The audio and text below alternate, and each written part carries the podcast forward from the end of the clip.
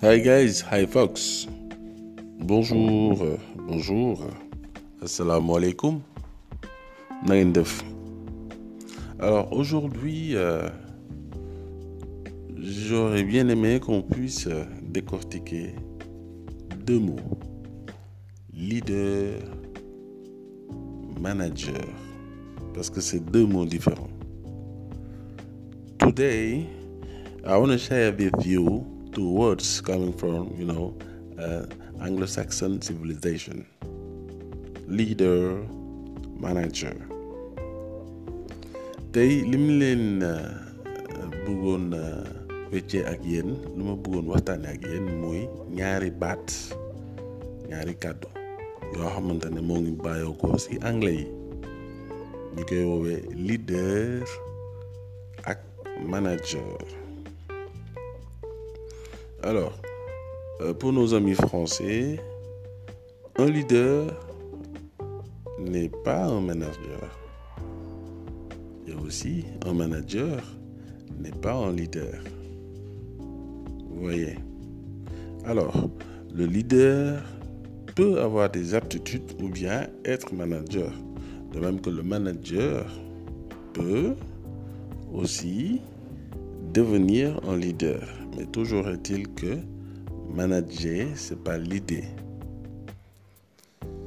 Yeah to talk it in English in some some words or some mind of thinking to be a leader is not to be a manager. There is you know a wide difference between the two words. To lead somebody is not to manage somebody okay. Uh, but we can have some manager who becomes leaders. Or vice versa we have some leaders who becomes manager. Okay. It, that is true. We can have several several other examples according the two words. Okay. Leader du wolof du wolof waaye dañ koy faral di utiliser. Comme di nga dégg ñenn ñi naan ko ko wala nga dégg ñenn ñi naan kooku manager bu xarañ la. Alors kon day day day tey day doon dëgg pour ñii nga xamante ne moo xam dafa amee table moo xam dafay jaay jën moo xam moo ngi marché. Dafay jaay ay salade day jënd ak jaay dafa war a xam lan mooy leader lan mooy manager.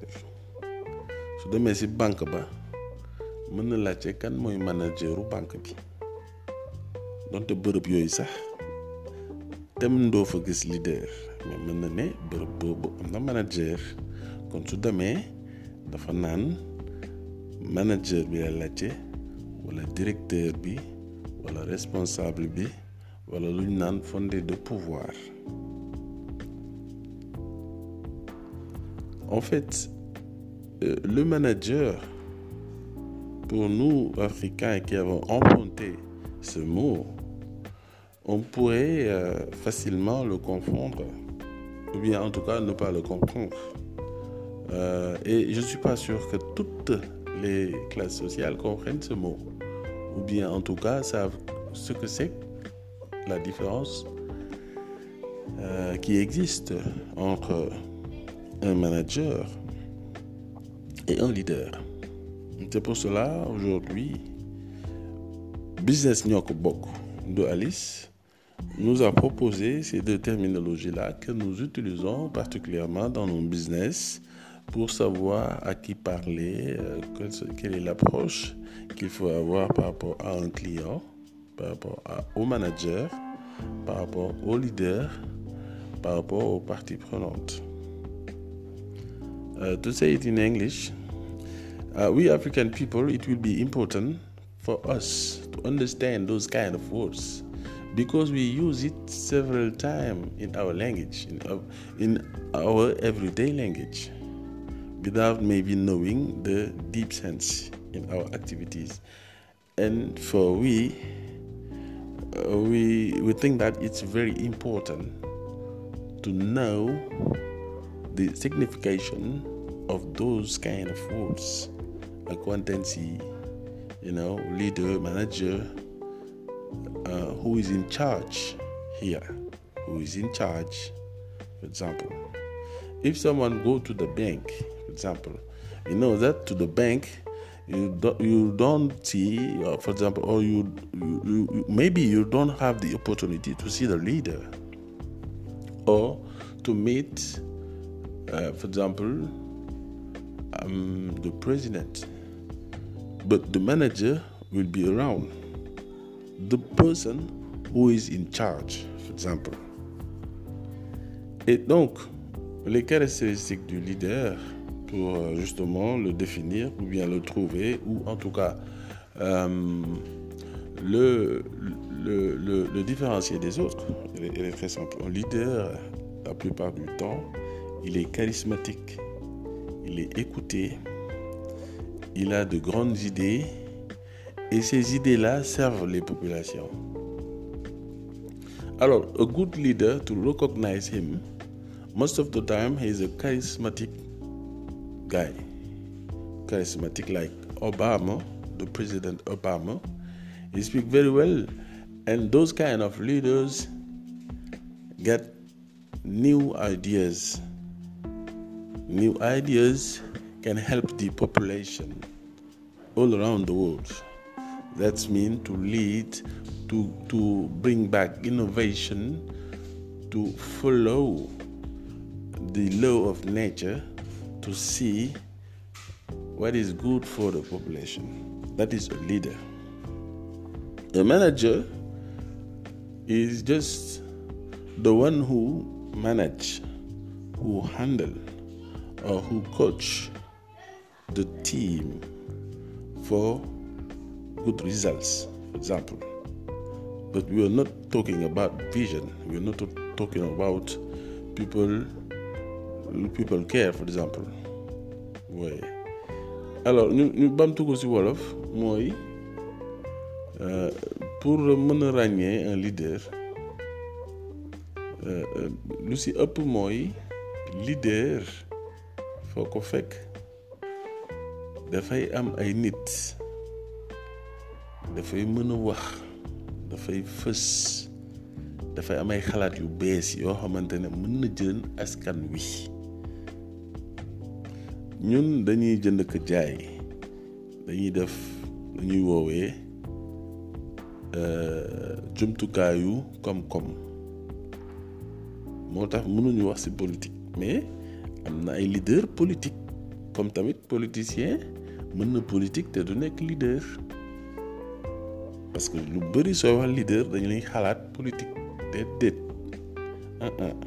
en business en entrepreneuriat en entreprise dans les organisations également foofu mën nga fa gis ay leader yu am éthique yu am pas-pas yoo xamante ne nangul nañu askan wi parce que xam nañ ne suñu andiwee lu ñuy woowee saafara si ñoom yi ñuy soxla. Moo xam dañoo soxla bisaab moo xam dañoo soxla ay oto solaire moo xam dañoo soxla pétrole moo xam dañoo soxla ay étages yu bees. Kooku noonu nga xam ne leader la su ko mënee am vision boobu mën na dimbale ask askanam. C'est ça en fait. Alors le concept de leader et de manager est souvent euh, pas tout le temps mais c'est deux deux concepts qui facilement entrent en collision bon collision positive mais aussi c'est pas des concepts qu'on ne pourrait pas différencier parce que justement c'est des concepts qui ne découlent pas ou bien qui n'ont pas la même racine étymologique. Alors ça c'est juste pour servir nos affaires, nos relations, nos business, pour nous permettre justement de mieux comprendre le système de fonctionnement des organisations en horizontal ou en vertical et puis d'être à l'aise avec nos intervenants, nos interlocuteurs, parce que le message que tu auras avec un leader, il sera différent du message que tu auras avec forcément un manager. Yeah, to talk in English, it will be important to recognize those kind of person because of our business.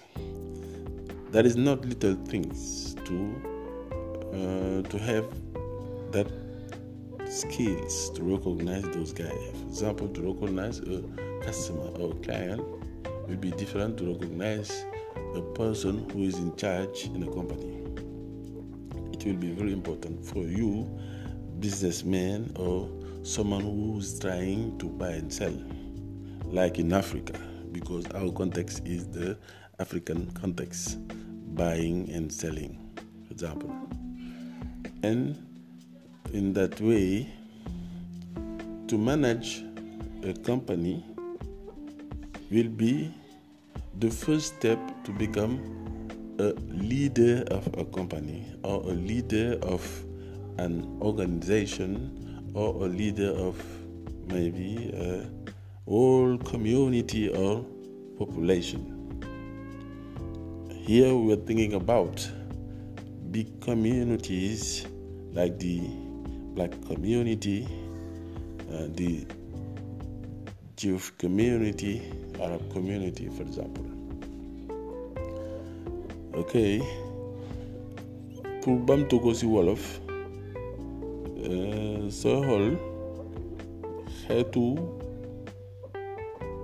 kàddu yooyu da lay dimbale yow mii nga xamante ne yaa ngi ci sa koom-koom yow mii nga xamante ne yaa ngi wër ñooy liggéeyal yow mii nga xamante ne di nga soxlo am ay partenaire parce que mënoo jaawatle client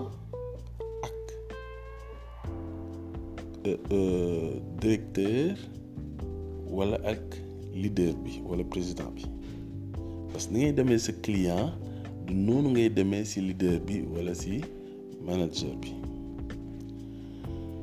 ah donc loolu dañuy may ñu gën a am taxawaay bu bees.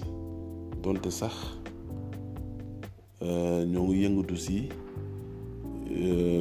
mbir yoo xamante ne dañoo yemamaay waaye day jur fekk ay atu yu néew. Kooku noonu yor table bi wala kooku noonu yor di jaay jën wala kooku noonu nekk marché mu ngi ñaan yàlla ay koom-koomam di jur. Mu am yeneen doomi dërëm muy bëri muy mën a dimbale boppam dimbale askanam. Parce que kenn ñaanul nekk foofu kese. Donc moom mën na ñaan jóge fi ñuy woowee informel di dem vers le formel. Gis nga kàddu yooyu nag ñun waa business ñoo ko bokk. Am nañu ay xeetu waxtaan am nañu ay xeetu ndaje am nañu ay xeetu dimbalante pour askan wi askanu der bu ñuul pour sunu liggéey mën a gën a fës. Ni mu gën parce que dimbalante am na fa.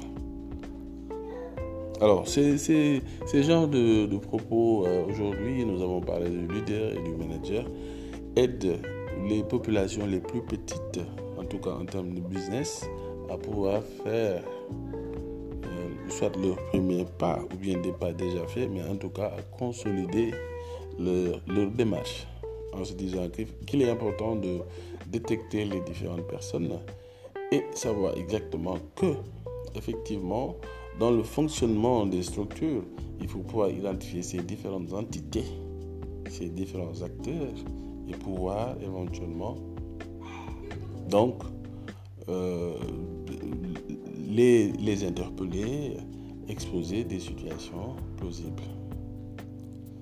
yeah, for our English community, we African people, we need to know about all those things, even little it is.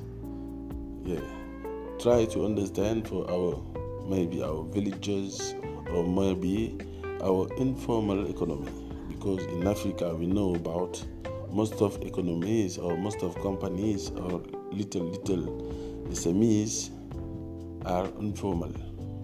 But we were trying. We, Business Nyokobok by Alice, were trying to do our best by helping the others know about what is management, what is leadership, what is accountancy, what is uh, selling, or what is your client. Know about your customer. The KPI is something like that. We are very happy to share today this first podcast. ñoo ngi leen di sant di leen gërëm parce que tey dañoo góorgóorlu pour def premier podcast bi moom mooy doon sunu participation ci dimbali askan wi même su dee akas néew la ci lu ñu xam. Nous sommes très contents que vous ayez écouté ce premier podcast. Alors c'est notre participation à nous pour aller de l'avant. Dina am yeneen xeetu podcast yeneen xeetu waxtaan yi nga xamante ne ci format bi lañ koy defee di leen ko jagleel. Di leen di leen may ngeen gën a gëstu xam seen koom-koom noo leen ko yore dañu waxtaan ci mbirum client dañu waxtaan ci mbirum entreprise dañu waxtaan ci mbirum comptabilité dañu waxtaan ci mbirum jënd ak jaay. Dinañu xool banque nan lañ fay demee pour lépp leen xaalis. Dinañu xool sa secteur bi nga nekk mooy informel nan ngay def ba mu formel pour nga gën a naat pour nga gën a xaalis. Parce que yaa noonu yàlla des dix ans dans l'informel kooku amul sens parce que plus say dërëm di bëri plus dërëm yooyu nga mën ko formaliser seet noo koy defee. Loolu mooy tax a jóg. Business ñoo ko bokk Alice. Ñun ñoo far réew mi ñoo ko moom. Je souhaite une très bonne soirée à toute la communauté. Euh, vous disons que ce, n'est qu'une première et c'est notre façon à nous de participer euh, au développement de la communauté en échangeant sur des thèmes pointilleux où essentiellement les plus petits en termes de business ont besoin de comprendre des choses, ont besoin de comprendre comment ça marche.